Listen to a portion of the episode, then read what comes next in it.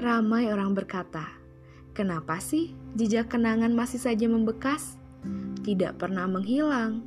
Bahkan bagi banyak orang, kenangan masih tersimpan rapi di dalam benak dan lubuk hati. Berbicara soal kenangan, kita sering kali menyingkirkan kenangan buruk karena beranggapan bahwa ia tidak berhak untuk diingat. Kita memilih menyimpan kenangan baik dan mengingatnya berulang kali. Hmm, sepertinya kita salah. Tidak ada yang harus dilupakan di antara keduanya. Kenangan baik dan buruk akan selalu beriringan menemani langkah kita dalam perjalanan hidup. Kenangan buruk akan membuat kita berpikir ribuan kali agar kisah itu tidak terulang lagi.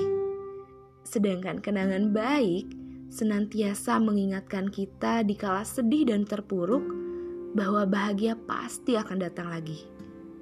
Ya, begitulah kenangan. Ia ada bersama kita.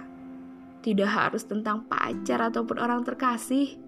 Kenangan bisa berupa segala yang telah kita lalui tentang bagaimana kita tersungkur, berusaha untuk bangkit, bahkan boleh jadi bisa perkara marah dan empati. Ya, semua kenangan tertuang dalam sebuah kertas dengan irama aksara yang menenangkan dan menegangkan. Bukan bermaksud mengingat terus-terusan, melainkan kenangan menjadi saksi kehebatan kita dalam melalui segala rintangan dan tantangan. Oleh karena itu, setiap kenangan ditulis di dalam kertas yang mungkin akan berdebu dan usang nantinya. Kertas tentang cerita yang selalu memiliki makna. Hari ini akan menjadi kenangan di hari esok.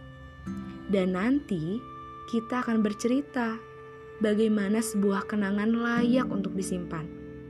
Mungkin saja kita memiliki kenangan dan cerita yang sama atau boleh jadi kamu yang sedang mendengarkan adalah orang yang tertulis dan terlibat di dalam kertas usang.